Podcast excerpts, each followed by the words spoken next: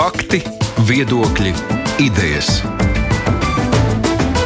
Raidījums Krustpunktā ar izpratni par būtisko.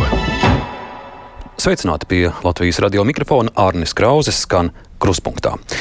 Šo stundu veltīsim starptautiskajām aktualitātēm, protestu Amerikā, atgūšanās no Covid krīzes un daudz citu tematu. Uz žurnālistu un klausītāju jautājumiem gatavs atbildēt ārlietu ministrs Edgars Rinkevičs. Sveicināti! Labdien!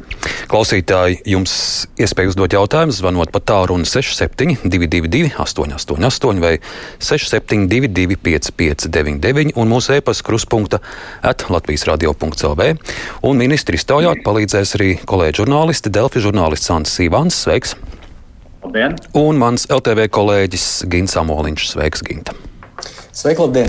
Ministrs kungs, es sākšu jautājumu, kuru uh, lūdzu uzdot arī pirms brīža klausītāju brīvajā mikrofonā. Kā mūsu ārlietu dienestam pagājuši šie trīs mēneši ārkārtas situācijā? Nu, atgādināsim, tās pirmās nedēļas bija īpašas spraigas, cenšoties nogādāt mājās daudzos tautiešus no pasaules malu malām. Un kā jums pašam personiski pagājušie trīs mēneši droši vien kas pilnīgi neierasts uh, garajā ministra pieredzē, neviena ārzemju vizīte, komandējums, starptautiskās tikšanās vai nākamreiz dodoties uz Briseli jau nebūs pa, pa pilsētu jāsteigā ar karti rokās. Jā, pirmkārt, tiešām ārlietu ministrijai īpaši jau līdz maijam bija darba pilnas rokas nodrošināt repatriāciju gan mūsu tautiešiem, kas atradās ārpus Eiropas Savienības, gan arī Eiropā. Jāsaka, ka vēl joprojām mums ir jāsniedz konsulārā palīdzība. Šobrīd šis skaits mazliet svārstās, starp 80, tad mazliet pieaug, tad samazinās tādēļ, ka ir arī cilvēki, kas agrāk nav vērsušies pēc palīdzības lūguma, bet nu ir pienācis brīdis, un viņi lūdz mums arī konsulāro palīdzību, kuru mēs arī sniedzam. Tā kā pilnībā šis atbalsts un palīdzība repatriācijai nav beigušies, bet, protams, ka darbs lodzi ir samazinājusies. Otra lieta Tā gluži nav. Pirmais ārvalstu brauciens jau bija jūnijas sākumā uz Tallinu, kad mēs tikāmies ar Baltijas valstu un Polijas kolēģiem. Tagad plānojam vēl vienu tikšanos. Faktiski sarunas ir par šo Baltijas ceļojumu telpas paplašināšanu. Es domāju, ka nākamā nedēļa arī Polija ļaus Baltijas valsts pilsoņiem bez pašizolācijas prasībām ierasties Polijā. Mēs jau faktiski šo ļaujam, tāpēc ka Polija ir atrodas Baltijā sarakstā. Bet mums ir ļoti daudz arī teiksim, tādu kārtējo darbu. Šobrīd ārlietu dienesta galvenais uzdevums ir Eiropas Savienības budžeta sarunas un atbalsta programmas arī Latvijai. Tas ir faktiski šobrīd visaktuālākais darbs. Darba netrūka, par, par garlaicību mēs noteikti sūdzēties nevaram, bet jāsaka, tā bija arī ļoti interesanta un laba pieredze arī mums ārlietu ministrijā palīdzot mūsu cilvēkiem. Paldies, Ansi. Tev pirmais jautājums, lūdzu. Jā, es uh, turpinot šo pašu klausītāju tēmu, vēlējos jautāt, uh, kā ārlietu ministrijā un vispār valsts struktūras pielāgojās attālinātiem darbam. Piemēram, jūs pieminētajās sarunās ar Eiropas Savienību, vai tas ir tikpat efektīvi uh, visādās video tiešsaitēs, kā tas kādreiz bija klātienē? Ļoti labs jautājums arī. Es varu teikt tā, ka pilnīgi noteikti ir vesela rinda dažādu pasākumu, kur Digitālie rīki mums ļoti palīdz un atvieglo, un varbūt ne katru reizi ir jābrauc un jātiekās. Un ir kaut kādas noteikti lietas, kuras var risināt tiešsaistē, bet līdzīgi kā skolās, kur sākumā mēs visi priecājāmies par tiešsaistes un tālmācības un attālinātās mācības, varbūt tādu progresīvo raksturu, mēs arī esam konstatējuši, ka pilnībā jautājums atrisināt tiešsaistē vai video formātā ir neiespējami. Un budžeta sarunas to viskaidrāk pierāda. Ārlietu padomē nevienmēr var vienoties, jo bieži vien tev ir jāmeklē kompromisi nevis telpā, bet staigājot, tiekoties ar ministru grupām, līdzīgi domājošiem, tā kā mēs domājam. Un patiesībā sakot, ir pilnīgi skaidrs, ka mēs arī redzējām, kur ir tās diplomātijas robežas 21. gadsimta digitālajā vidē. Un man ir pilnīgi skaidrs, ka mēs noteikti atgriezīsimies pie nu, jau kombinētas prakses. Būs vairāk uh, tikšanās, kas notiks internetā vai video formātā, bet neviens neatcels arī šo te tiešo diplomātiju. Un es domāju, pirmais brauciens tiešām būs Brisele, kā Krauskungs teica. gan man, gan ministra prezidentam, jo tikai klātienē mēs spēsim vienoties par daudzgadu budžetu. Tādā formātā, kā mēs šobrīd ar jums strādājam, tas ir neiespējami. Ginta. Jā, es tieši par daudzgadu budžetu vēlējos jautāt, vai jau pirms Covid krīzes tika lausta šķēpi par daudzgadu budžetu, un, un viņš tika atlikts un atlikts, vai līdz gada beigām to varētu izdoties vienoties par kaut ko, un vai Latvijai varētu izdoties nodrošināt savus intereses. Un papildu jautājums Eiropas Savienībā ir vienošanās, vai joprojām notiek sarunas par atjaunošanas fondu, lai palīdzētu valstīm atgūties no ekonomiskās krīzes, ko izraisījusi koronavīrus. Un saprotu, ka Latvijai paredzēta 3 miljardi eiro, kas varētu būt kā granti. Kāds tieši varētu izpausties Latvijai, kā Latvija to varētu izmantot? Jā, paldies par jautājumu. Šeit es gribētu uzsvērt vienu lietu, kas mazliet ir aizgājusi nu, kā pašsaprotama, bet kas tā nav. Tas, par ko jūs runājat, 2,9 miljārdi eiro atvesējošanas, jeb atjaunotnes fondā, grantos, jeb tātad neatmaksājamajā naudā, un 1,6, ko mēs varam ņemt kā kredītu, bet varam arī neņemt. Neviens mums to nespiež darīt. Tā ir mūsu brīvība. Ir tikai komisijas priekšlikums par to lēmums jāpieņem vēl Eiropa padomē. Un jūs zināt, ka ir jau diezgan daudz valsts, kas pret šo iebilst, uzskata, ka pa daudz dāsns ir šis piedāvājums. Kopā visā Eiropā 750 miljardi. Un šeit tas būs viens no jautājumiem, kur sarunās būs ļoti, ļoti jācīnās, lai nu, šis piedāvājums nekļūtu sliktāks mums vai panākt kaut kādu kompromisu. Tā kā šeit nav lēmumu, šeit ir tikai piedāvājumi. Par to vēl ir jālēm.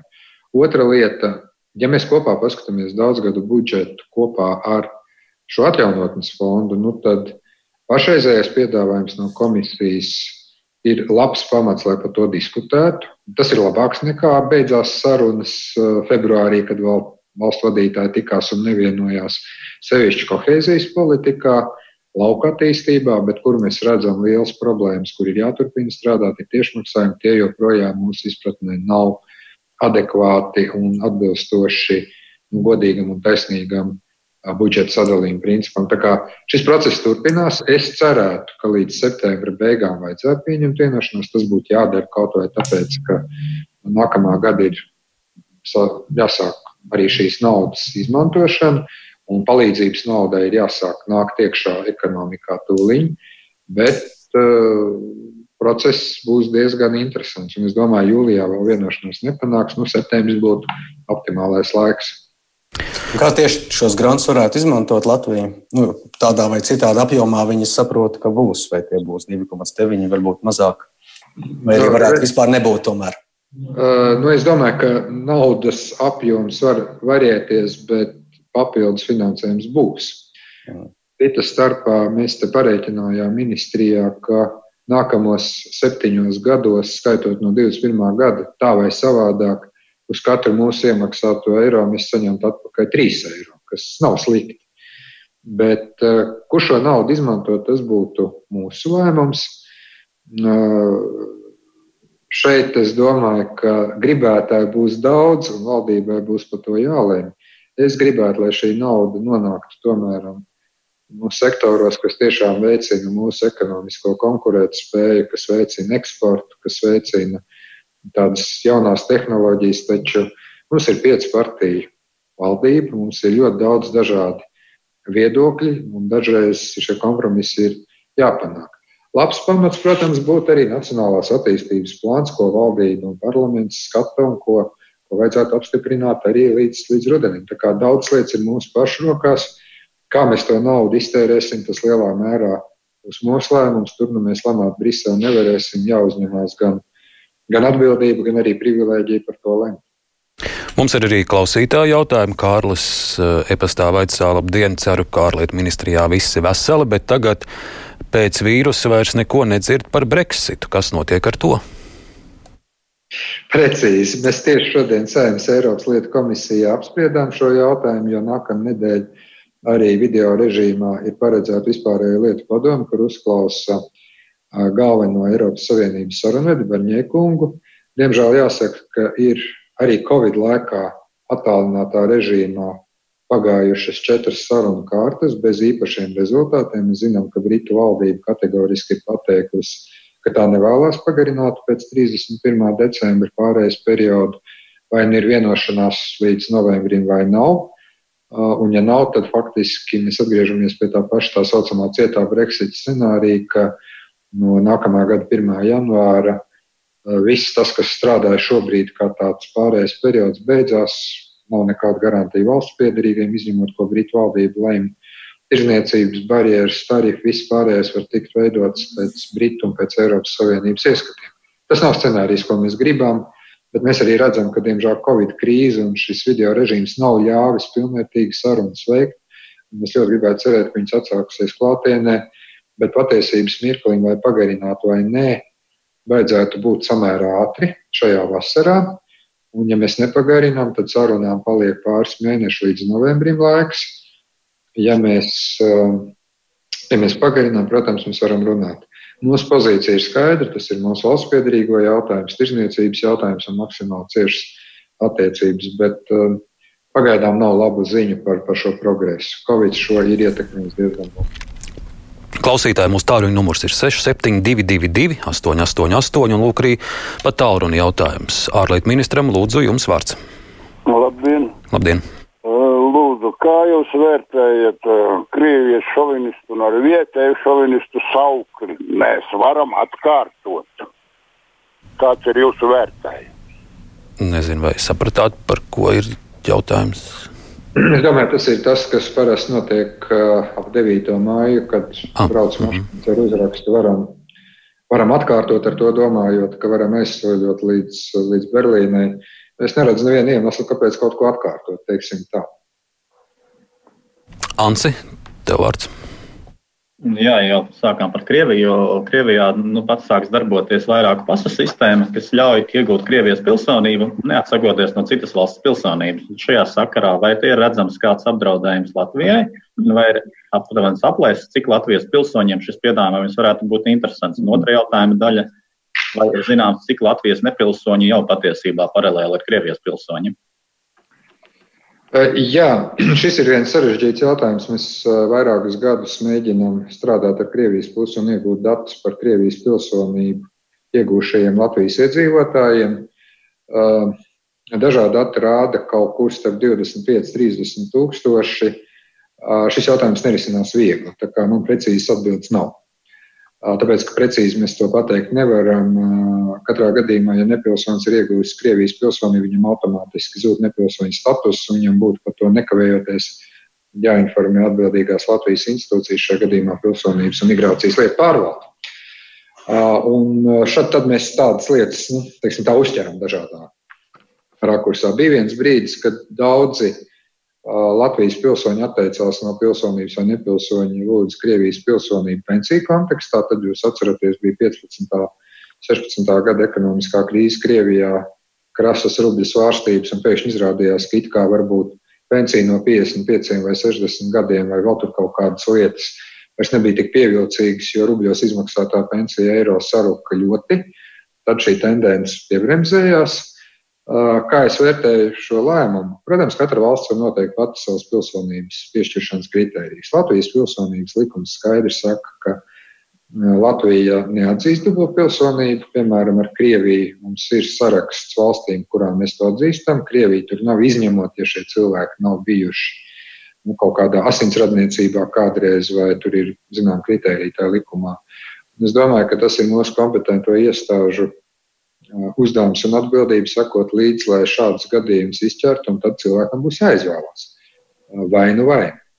Un tad, nu, protams, var sekot arī iesniegumu no PNLP tiesā, kura var tad anulēt Latvijas pilsonību, ja cilvēks ir izvēlējies dubult pilsonību. Bet es aicinātu tomēr tiešām nopietni tos, kas varbūt domā par pāriešanu Krievijas pilsonībā, padomāt. Dubult pilsonību saglabāt neizdosies, vai jūs tiešām to gribat, jo uh, pieredze 15. un 16. gadā parādīja, ka bija arī gadījumi, kad cilvēki pārņēma šo, šo pilsonību, atteicās no Latvijas pilsonības, un tad pēkšņi konstatēja, nē, ziniet, Latvijā tomēr ir labāka apstākļa, es tagad uh, gribētu atpakaļ šo pilsonību. Tik vienkārši ar pilsonību pakaļ nemētājos. Gint, tavs jautājums. Jā, es vēlētos jautāt, vai jums ir kas varbūt vairāk zināms par uh, amerikāņu presē ziņotajiem Baltānama Trumpa plāniem izvest uh, daļu amerikāņu kontingentu no Vācijas, uh, ceturto daļu. Un, ja tas tā tiešām notiks, vai tas kaut kā var ietekmēt Latvijas drošības intereses? Pagaidām mēs neesam saņēmuši apstiprinājumu šai preses ziņai. Mūsu vēstniecība ASV strādā ar kompetentajām Amerikas iestādēm, ar valsts departamentu aizsardzības ministriju. Saprotu, ka kaut kādas diskusijas par labāku spēku pārvietošanu ir. Tas neizslēdz, starp citu, arī to, ka varbūt kāda daļa nonāk Polijā. Jūs atceraties, ka bija arī Polijas ASV lēmums par plašāku ASV kontingentu izvietošanu Polijā, ko mēs apsveicam un uzskatām par pareizu soli. Tāpēc es atturētos pašlaik komentēt cīkāk to, kur mēs neesam vēl guvuši konsultācijās precīzi oficiāli apstiprinājumu no ASV puses. Bet eh, šajā sakarā tad bija izskanējis, ka Polijā varētu būt daļa šo karavīru, bet vai ir iespēja vai apspriest vai ideja, ka varētu arī Latvija uzņemt vairāk ASV karavīrus? Vēlreiz, šis ir pagaidām konsultāciju process, un es negribētu iet detaļās par lietām, kurām faktiski tās konsultācijas ir reāli sākušās tikai pirmdienas rītā, pēc Vašingtonas un, un Ņujorkas laika, kas ir tātad pirmdienas pēcpusdiena pēc mūsu laika. Vēl iesaistīsim mūsu klausītāju arī. Lūdzu, jūs jautājums ārlietu ministram. Labdien! E, man ārlietu ministra kungam tāds jautājums ir. Es esmu daudzreiz pacēlus šo lietu. Kāpēc, teiksim, krievu pensionāri, kur aiziet Krievijā, saņem pensiju no 55 gadiem, ja? šeit viņi saņem vēl Latvijas pensiju, viņiem ir abas pensijas, bet kādā sakarībā viņi brauc transporta līdzekļos atvieglināt, vispār nu, atvieglināt, pavilkt, brauc Rīgā, teiksim, vai visur, kur brauc, at, atvieglināt, atvieglināt ar, ar atlaidēm. Es domāju, ka viņiem jā, jāmaksā būt pilna maksa, jo viņi visi te dzīvo, īrē dzīvokļus un nezinu ko, un dzīvo tīri zaļi. Paldies par jautājumu! Tas, laikam, vairāk būtu jautājums attiecīgi pašvaldībai un Rīgas domē. Katrā gadījumā mums ir zināmi līgumi sociālās palīdzības jomā noslēgti, tos kūrē vairāk labklājības ministrija. Bet es teiktu tā, ka es arī būtu par to, ka tomēr visām pensionāru grupām ir vienādi noteikumi. Nevar būt tā, ka Latvijā kādai grupai ir privilēģijas lielākas nekā citai. Tāpēc es ļoti gribētu cerēt, ka šis jautājums varbūt arī pēc Rīgas domas vēlēšanām beidzot gūs zināmu atrisinājumu un, un, un vairs šādi jautājumi nebūs. Anse Ginte, vēl kādi temati?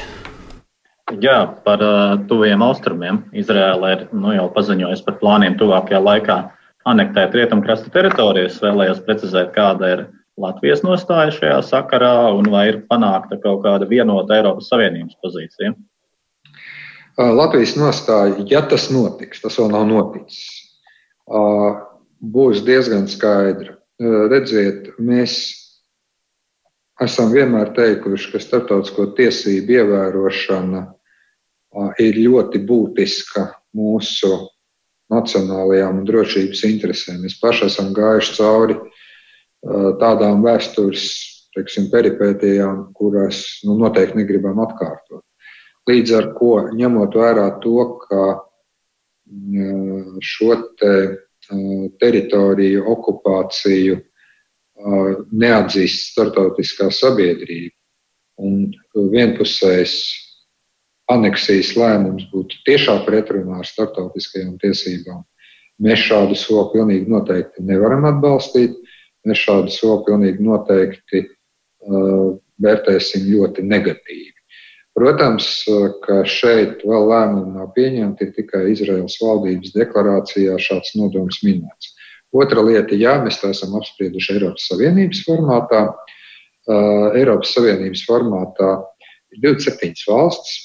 Vairāk diskusiju nav pat varbūt par principiem, bet par vārdiem, kā šos principus un šo politiku definēt. Bet lielākā daļa Nu, es pat teiktu, ja es nemaldos, pašlaik 25 no 27 valstīm šajā jautājumā ir vienotās pozīcijās, un šīm divām varbūt ir vairāk niansēta pieeja, ne tik daudz, kā lai saka, principiāli pretpieeja pieeja vai pozīcija.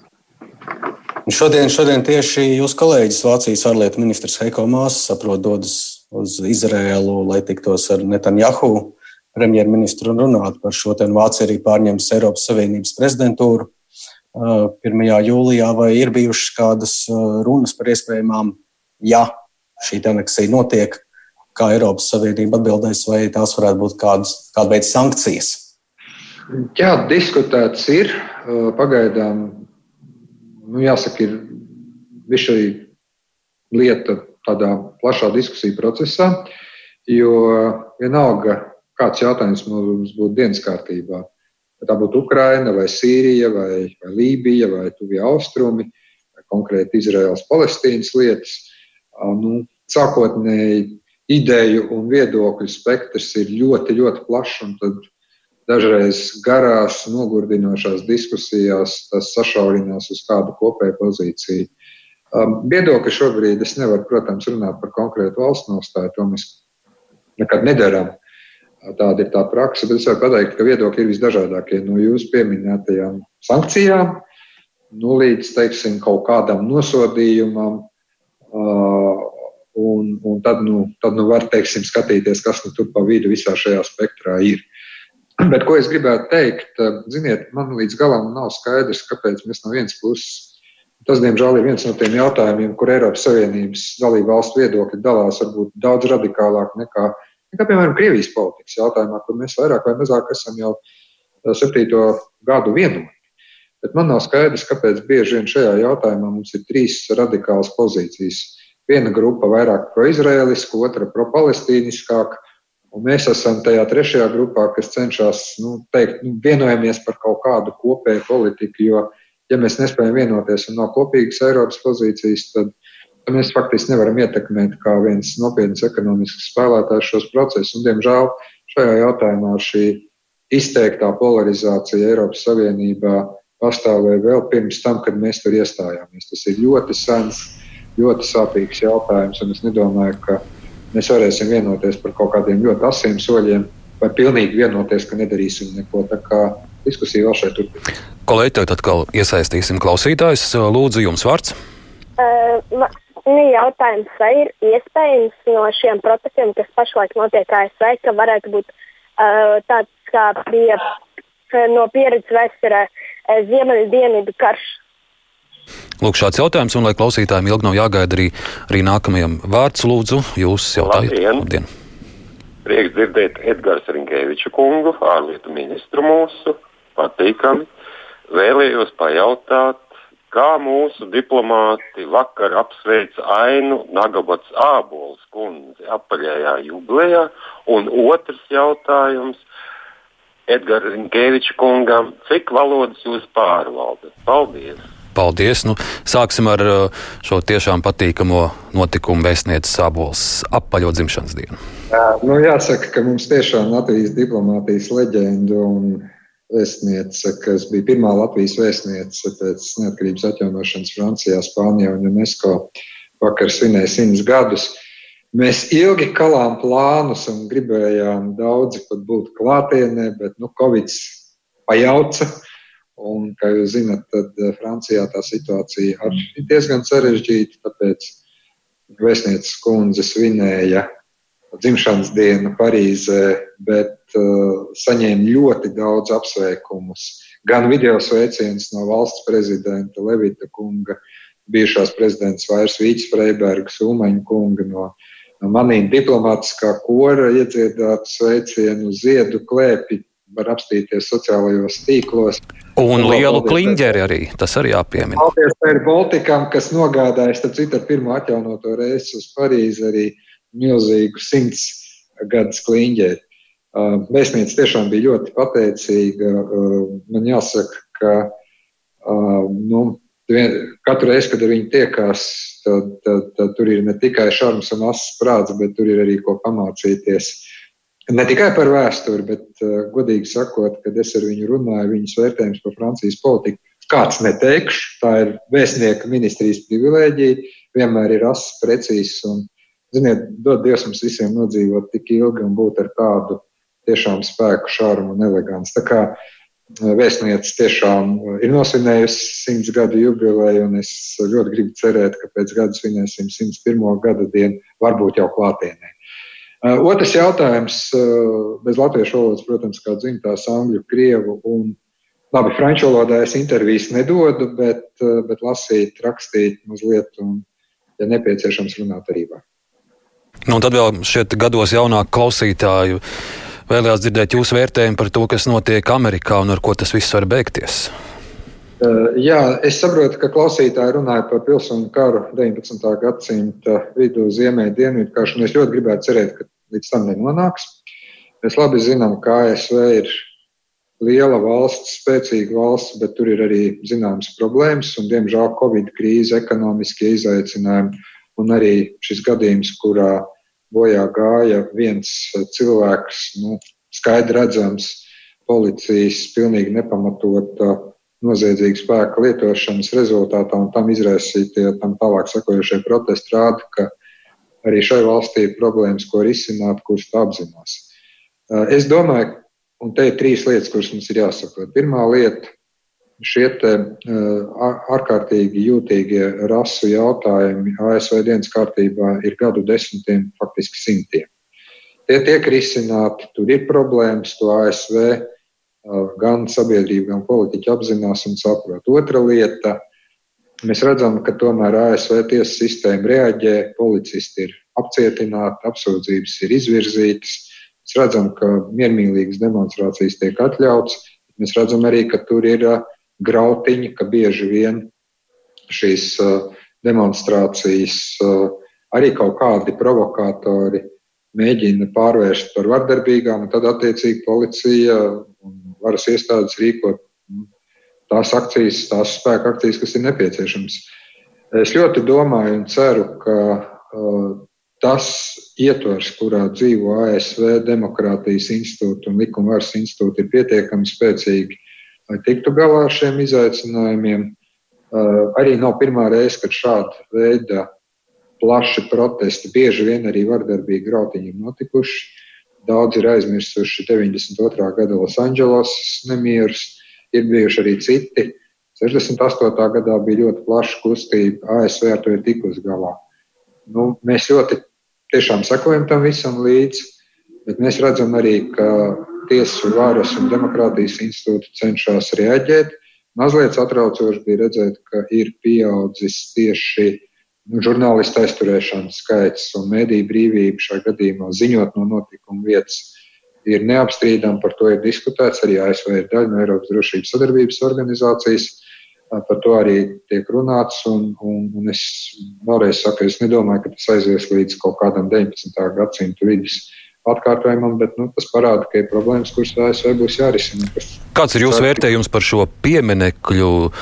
demolēšanu nu, ne tikai jau vairs Amerikā, bet arī tagad Eiropā, Briselē, Beļģijā bijušā karaļa Leopolda II monuments, pat uh, Londonā Čērčils apķēpāts. Ziniet, es esmu bijis vienmēr ļoti piesardzīgs uh, lietās, kas skar vēsturi. Pats es esmu vēsturnieks, un man liekas, ka ir ļoti grūti uh, izslēgt kaut kādu epizodi no vēstures. Es mazliet sekoju līdzi mūsu sociālo tīklu diskusijai, sevišķi Twitterī. Tur brīžiem vairs nu, nevar novaldīt smaidu. Vieni saka, ka nedrīkst nevienu pieminiektu aiztikt, otru atgādina mūsu pašu ienaidniekiem pirms 30 gadiem, kad atguvām brīvību, cik mēs ātri viņus novācām. Arī pieminiektu stāsts ir daļa no ne tikai vēstures, bet tagadnes politikas un nākotnes. Es teiktu, ka kas mani satrauc, kaut kā digitālā laikmetā, no vienas puses mums ir informācijas pārbagātība. Lai kaut ko uzzinātu, mums nav vairs jāiet uz bibliotēku, jārakājās encyklopēdijās vai grāmatās, pietiek ar dažiem klikšķiem. Tā negatīvā puse ir, ka izplatās tik daudz dažādas informācijas vai tik daudz dažādu aicinājumu vai mobilizācijas, ka bieži vien nu, mēs redzam, ka ir tādi digitālie viduslaiki iestājušies, kas nu digitālajā tirgus placī notiek. Tur arī tā sabiedrība viņojās līdzi. Es neuzskatu, ka strauja pieminekļu demontāža vai apķēpāšana ir tas labākais risinājums. Bet tad atkal, ja piemēram ASV varas iestādes vai Lielbritānijā vai Beļģijā atsevišķas varas iestādes likumīgi vēlētas pilsoņu pārstāvības lemj, ka nē, mēs šo pieminiektu vairs negribam un lai viņi aizvākt, Amerikā tas notiek ar konfederātu pieminekļiem, tad tas attiecīgi ir šis lēmums. Mums pašiem, jūs zinat, ir diskusijas jau gadu gadiem par vienu nu, būvi pārdaugavā, kur arī ir ļoti neviennozīmīgi viedokļi. Tāpēc, tāpēc es šobrīd teikšu tā, ka man kā vēsturniekam ir diezgan piesardzīga attieksme pret to, ka ar vienu pieminiektu aizvākšanu mēs aizvācam arī vēstures posmu. Vai to vajag darīt vai nē, tas ir katras brīvi vēlētas pašvaldības vai nacionālās valdības ziņā, kur nu tas ir attiecīgi likumos noteikts. Vēsturnieks un ārlietu ministrs Edgars Rinkevičs šodien atbild uz klausītāju un žurnālistu jautājumiem. Jau pēc pavisam īsa brīža mēs sarunu turpināsim. Raidījums Krustpunktā. 6722, 888 ir mūsu tāruņa numurs. Kolēģi, tagad atkal jums vārds. Ansi, sākšu ar tevi.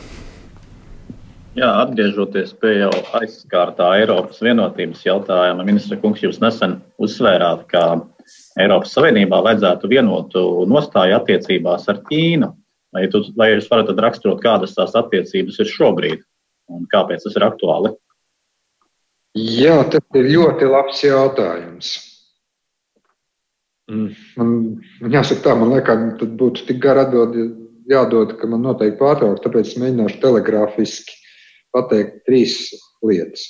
Pirmā lieta ir pilnīgi skaidrs, ka Ķīna ir nozīmīgs uh, sadarbības partneris ekonomikā, daudzos arī daudzpusējos jautājumos, piemēram, klimata pārmaiņu jautājumā. Uh, otra lieta ir skaidrs, ka Ķīna mums savā ziņā ir sancens, tā kļūst arvien teiksim, noteiktāka savā rīcībā, asāka ģeopolitiski.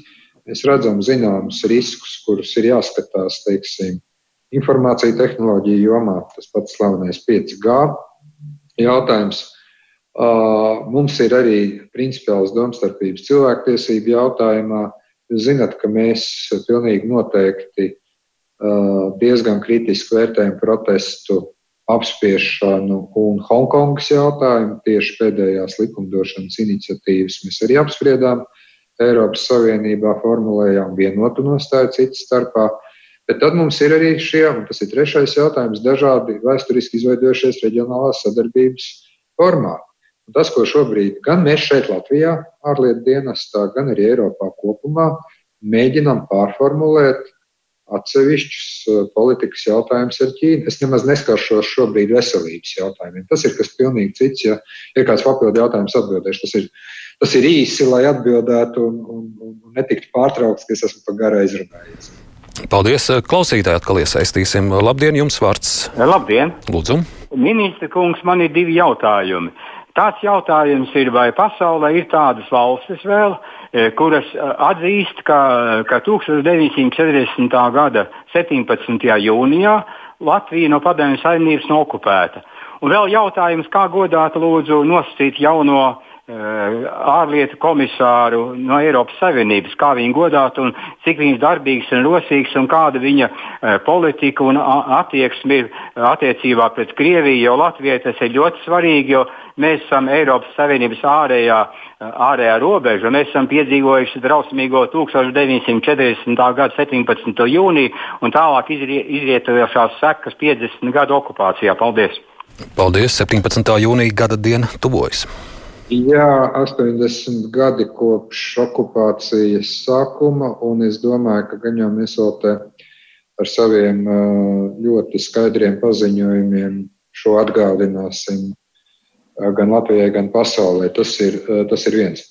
Bet par to, vai ir valsts, kas vēl uzskata, ka Latvijas okupācija un, un aneksija un inkorporācija Padomju Savienībā bija brīvprātīgs žests vai nebija, Jūs paši zināt, kāda ir Krievijas nostāja, atsevišķi Krievijas satelīti. Protams, ka ja varbūt neaktīvi tam sako līdzi, tad vismaz klusē, bet lielākā daļa uh, rietumu pasaules, lai neteikt visa rietumu pasaule, protams, šeit ir skaidri pateikuši vēl 2005. gadā, kad valsts prezidente Vaira Vīķa Freiberga nosūtīja vēstuli daudzu valstu vadītājiem un saņēma ļoti daudz atbildes no vadošajām un arī Eiropas un NATO dalību valstīm, viņu valdībai, valstu vadītājiem skaidru apliecinājumu, ka viņi ir viensprāts par mūsu vēstures traktēm, tad es domāju, ka šeit, es teiktu tā, Latvijas šis, te, tāpat kā pārējo Baltijas valstu stāsts gūst tikai apstiprinājumu, un to varēja vislabāk redzēt pagājušajā gadā. Eiropas parlamenta rezolūcija. Tas, kas notika pieminot Otrā pasaules kara gada dienas sākumu, un tad ļoti asais, skarbais Krievijas mēģinājums šo vēsturi traktēt sev labvēlīgā virzienā un attaisnot Staļina zvērības, kuras absolūti vairs negūst dzirdīgas savas rietumu pasaulē. Par citām valstīm nu, ir jāskatās. Nav tā, ka visas ir kaut kur balsojušas par to, kas notika 40. gadā, bet pozīcijas ir diezgan labi iezīmējušās. Par Borelu kungu augsto pārstāvu ārlietās. Spānijas ārlietu ministrs viņš bija pagājušā gada augustā, kad jau tika nominēts savam amatam Latvijā, apmeklēja spāņu karavīrus. Mēs ar viņu daudz runājām uh, par Krievijas jautājumiem, par drošības jautājumiem. Viņš man stingri apliecināja, ka viņš izprot mūsu uh, vēsturisko un pašreizējo bažu apjomu. Kā augstais pārstāvis, viņa pienākums, un tas varbūt ir visgrūtākais uzdevums, viņam ir pienākums līdzsvarot un runāt visu 27 dalību valstu vārdā. Ņemt vērā dažādas viedokļas un atrast kopsaucēju, to arī paust.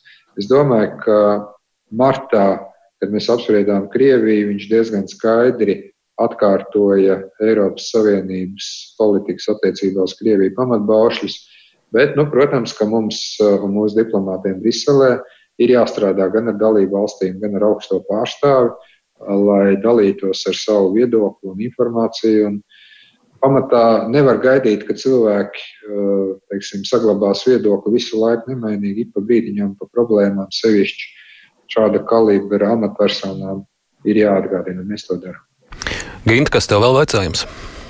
Es vēlējos pajautāt, tieši atcerējos, bija koronavīrusa krīzes sākumā, kad uh, Itālijai klājās ļoti grūti. Tad Krievija atsūtīja jā, kravu ar maskām, ar dažādiem dezinfekcijas līdzekļiem, piesaukt arī par masku diplomātiju.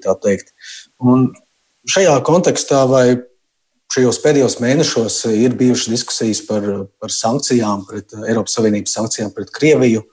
Vai uh, ir bijušas tādas runas, ka, ka lūk, ir ekono, ekonomiski klājas grūti gan mums, gan Krievijai, vai klāsies varbūt, un varbūt, ka vajadzētu kaut kā mīkstināt, vai netuvojas arī kāds pagarināšanas termiņš tagad. Termiņš tuvojās, taisnība. Termiņš tuvojās faktiski jūlijā beigās. Tad izteiks sankcijas, bet es varu teikt, ka nekādas šādas sarunas par mīkstināšanu vismaz līdz šim brīdim, līdz šodienai ārlietu padomē, ministru līmenī nav skanējušas. Jautājums no klausītāja. Lūdzu, ministrs, jūs dzirdat. Labdien. Labdien! Es gribēju tādu teikt, ka no šī pasaules buntošanās un visi šie, uh, kas saka, cits pat citu mēs uh, teiksim, vai tas ir tāds vai citāds. Bet šajā epidēmiju laikā atvērsim robežas, atļausim visu to un to. Bet to, ka milzīgās tautu masas kas ir tūkstošiem, atrodas uz ielas, cits ar citu, vai tas nav jauns uzbrukums mierīgiem iedzīvotājiem? Paldies! Uzbrukums tas noteikti nav. Es domāju, ka tā ir tomēr katra cilvēka paša sapratne par nu, nepieciešamajiem drošības pasākumiem. Jā, mani ar mazliet dara bažīgu kadri, ko es redzu par cilvēku pulcēšanos, un varbūt, ka nav ievērot nepieciešamie epidemiologi ieteiktie distancēšanās, ja nu, vismaz masku valkāšanas noteikumi. Bet, nu, tā ir, protams, beigu beigās lielā mērā katras valsts noteiktā likumu un ierobežojumu attiecīgi politika. Arī mēs, kā jūs zinat, jau māja vidū mīkstinājām daudz ierobežojumus, tostarp arī pulcēšanās ierobežojumus. Mums arī ir bijuši piketi pie saimnes, bet nu, tiešām uh, gods un slava visiem, kas ir piketējuši vai pauduši savu nostāju. Tas ir darīts maksimāli ievērojot epidemioloģiskās prasības. Uh, es ļoti gribētu cerēt, ka nebūs tas atslābums, kāds brīžiem pilnīgi ir jūtams arī šeit Latvijā.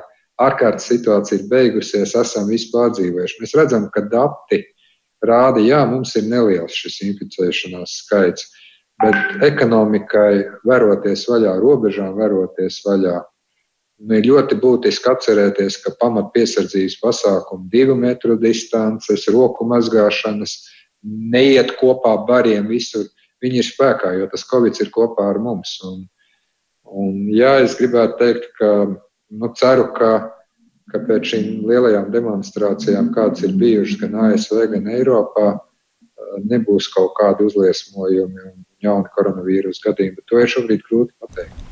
Vēl jautājums no e-pasta Aina vēlas zināt, vai ministram ir kāds komentārs par Erasmus un Erasmus Plus programmām, vai tās nav apdraudētas. Nu, tiem klausītājiem, kas nezina, tās ir programmas, kuras izmantojuši ļoti daudz arī Latvijas jaunieši, izmantojot iespēju studēt Eiropas augstskolās.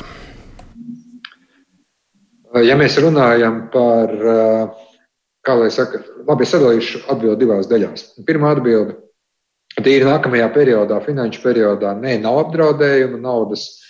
Šīm programmām būs Eiropas Savienības budžetā. Otrā daļa, vai tas būs konkrēti iespējams šogad, ņemot vērā dažādas ierobežojumus. Faktiski šobrīd ir tā, ka Eiropas Savienībā notiek diskusija par iekšējo robežu pilnu atvēršanu, nu, ja ne līdz 15. jūnijam, tad līdz 30. jūnijam. Sarežģītāks jautājums ir par ārējām robežām, piemēram, ar Krievija, Baltkrievija, Ukraina. Tur mēs tomēr analizēsim epidemioloģisko situāciju. Es nedomāju, ka mēs esam gatavi atvērt robežas, kamēr situācija nestabilizēsies tur.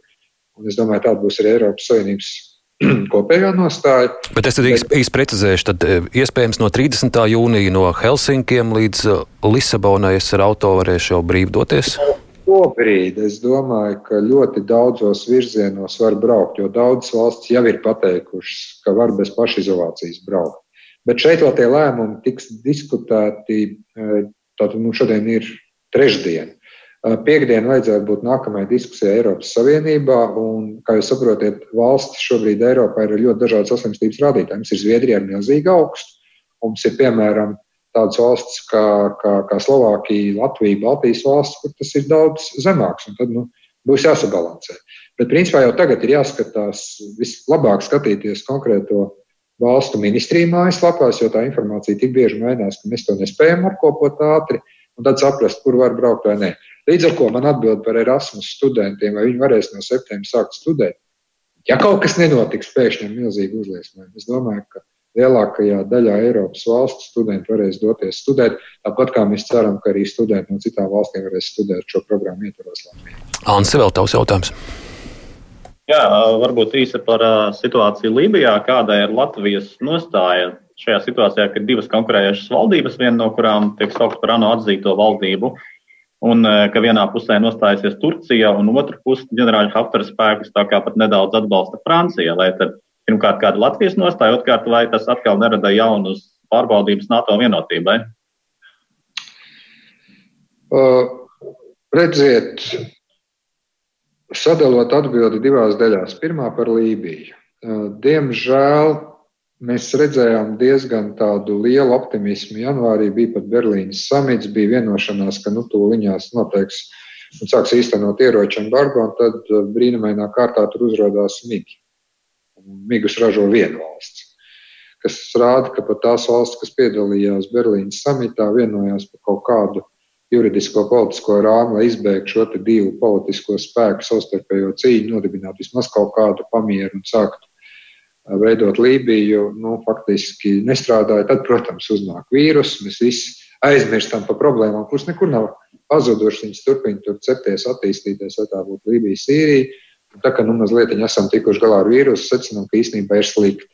Plus, vēl, protams, šis reģions mūs uztrauc no migrācijas, no terorisma apkarošanas, tīri no mūsu pašu dienvidu, kā Eiropas Savienības, kā dienvidu robežu drošības lietas. Um, līdz ar to šeit es teiktu, ka es vairāk skatītos Eiropas Savienības virzienā. Eiropas Savienība diskutēja par to, un tas nebija NATO, tas bija Eiropas Savienības diskusija jautājums, kā nodrošināt šī ieroča embargo šī politiskā procesa īstenošanu.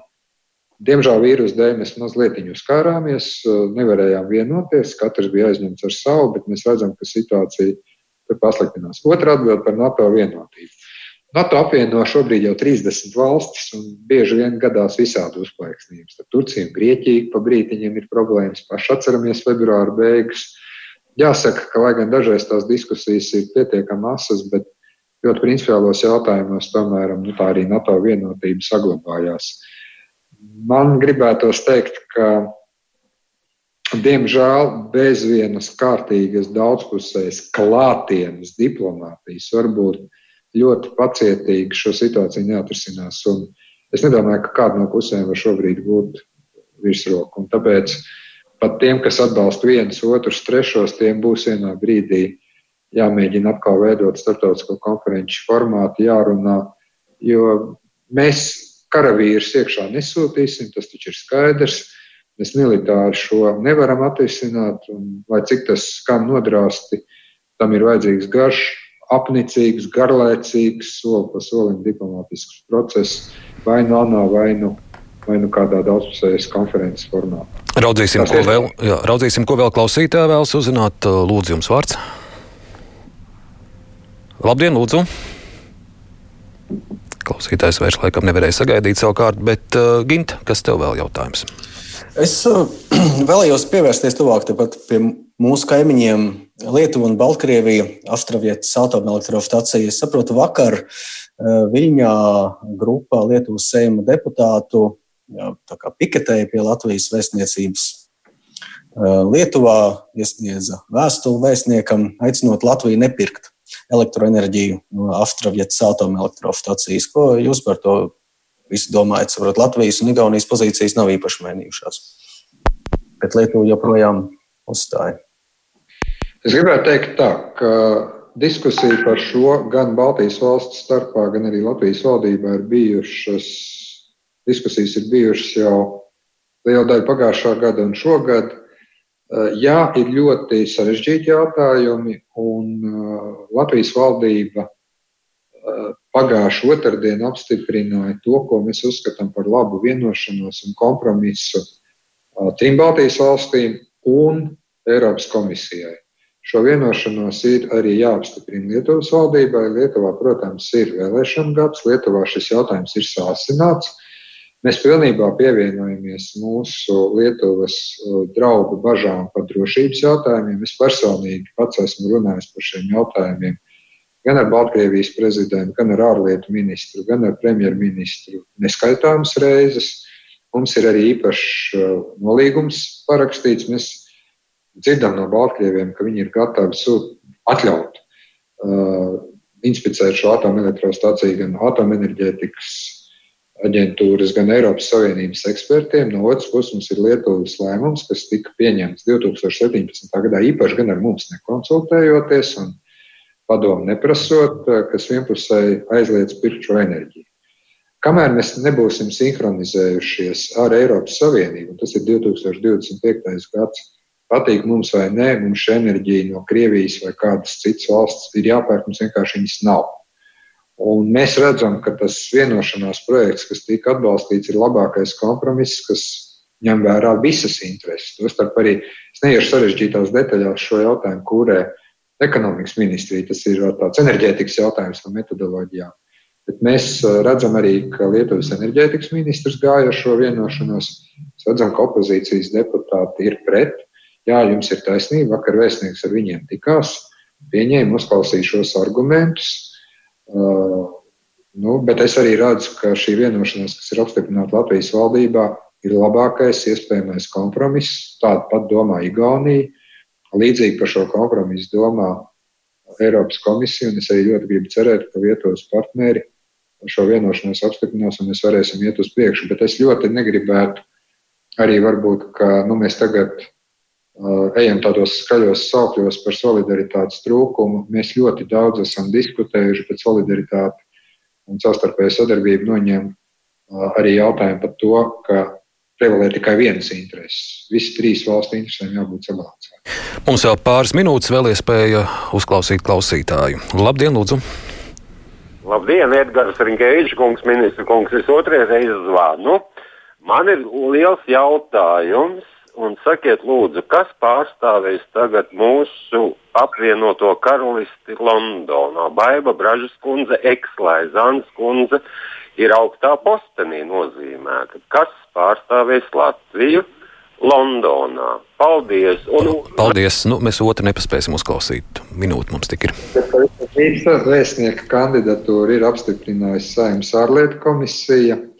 Mēs gaidām apstiprinājumu no Lielbritānijas puses, bet atbilstoši starptautiskajai praksē, kamēr nav saņemts apstiprinājums no Lielbritānijas, mēs nekad vēstnieka vārdu neatklājam. Tā ir diplomātiskā etiķete un protokols.